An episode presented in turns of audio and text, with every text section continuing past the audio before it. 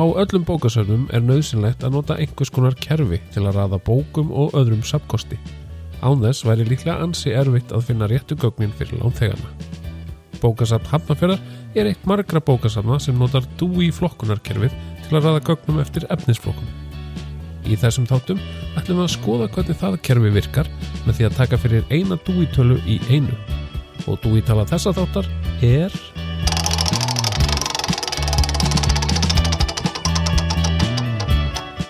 420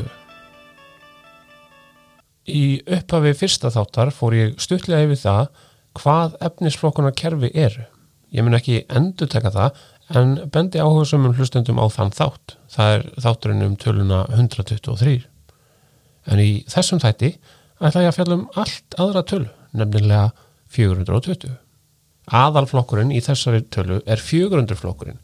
Sáflokkur fjallar um tungumál. Það er þó ekki verið að tala um bókmyndir og fleira slíkt á tilteknum tungumálum. Það er alveg sérflokkur fyrir það. 401 er um almenn málvísindi. Þar undir fer vísindaleg umfjöllun um undirstöður og byggingu talaðs og reytaðs máls. Frá 410 til 490 eru svo ákveðin tungumál.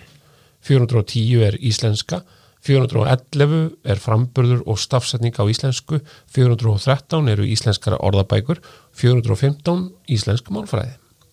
420 hins vegar fjallar um ennsku og engilsaksnesku eða fornensku. 421 er ennskur framburður og stafsetning, 423 eru ennskar orðabækur, 425 ennsk málfræði. Þessi samsverun á milli ennsku og íslensku í undirflokkanum til að mynda að orðabækunar endi á þrýr er ekki tilviljun. Það er nákvæmlega þannig sem flokkunarkerfið er byggt upp. En efnið sem fyrir 420 er það sem ekki fellur í undirflokkana. Það getur til dæmis átt við um yfirgripsrit. Ég fletti upp efninu sem við eigum á bókasamni Hafnarfjörðar í 420 en fann því miður ekkert yfirgripsrit en ég fann hins vegar diska.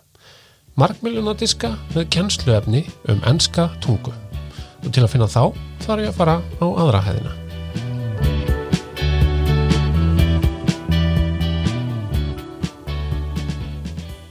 Æ, þá er ég komin út úr öðrabríminu og ætla nýra á aðra hæð. Um, það sem heitir nú bara ein hæð, þá ætla ég ekki að taka liftuna í það skipti, heldur stekk niður tröpunar.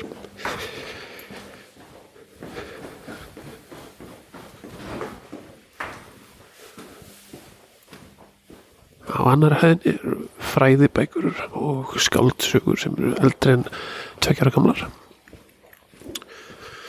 Þeim er nú fræðibókunum er nokkur meginn raðað í röð eftir, eftir efnisflokkanúminni og uh, henn er 400 flokkurinn, hann er hérna við hliðan 500 sem er náttúrfræði og, og, og starffræði og annað slikt.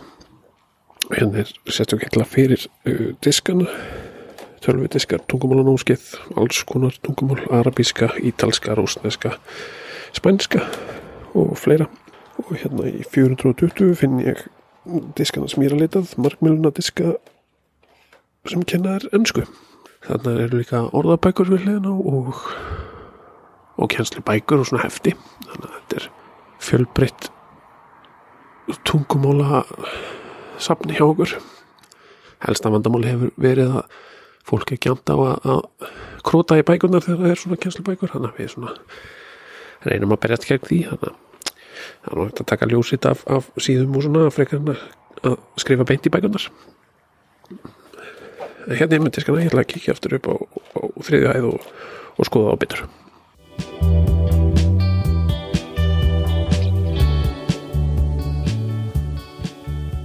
þá var ég aftur búin að koma mér vel fyrir hérna í rafbríminu okkar á þriðjahæðinni og ég er með diskana með mér af annara hæðinni. Bókasafn Hafnarfjörðar á 5 markmiljóna diska með ennsku kjenslu sem falla í þennan 420 efnisblokk. Þeir eru allir gefnir út af sama fyrirtækinu, Eurotalk.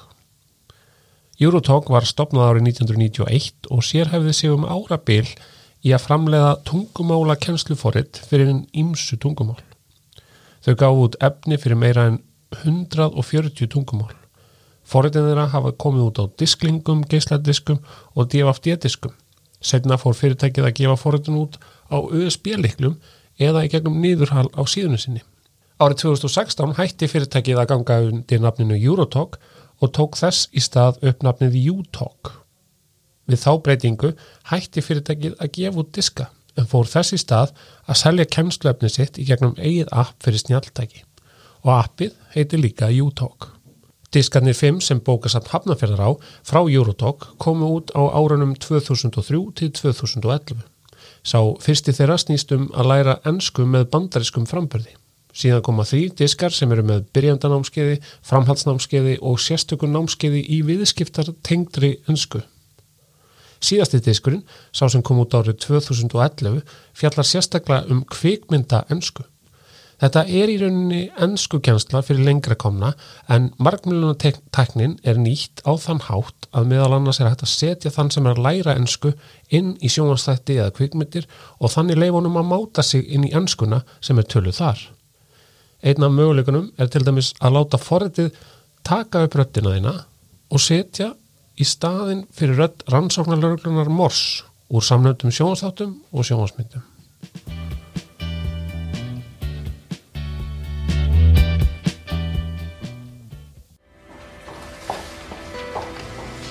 You want to get off home? You look done in. I am done in.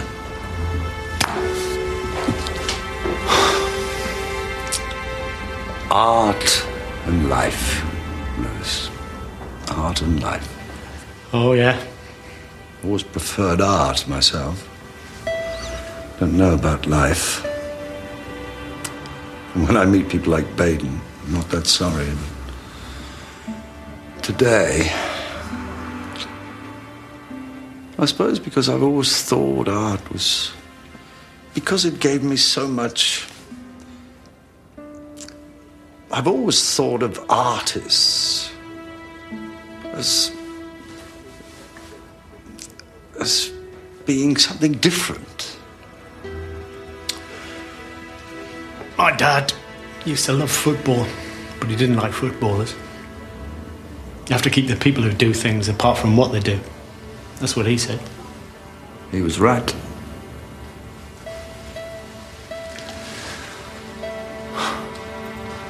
I was going to go to her concert this evening. There'll be others. They won't be the same now. Why don't you get off home to your wife, Lewis? How is she? Fine.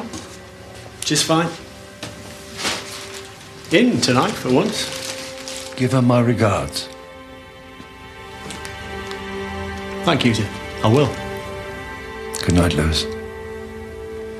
Good night.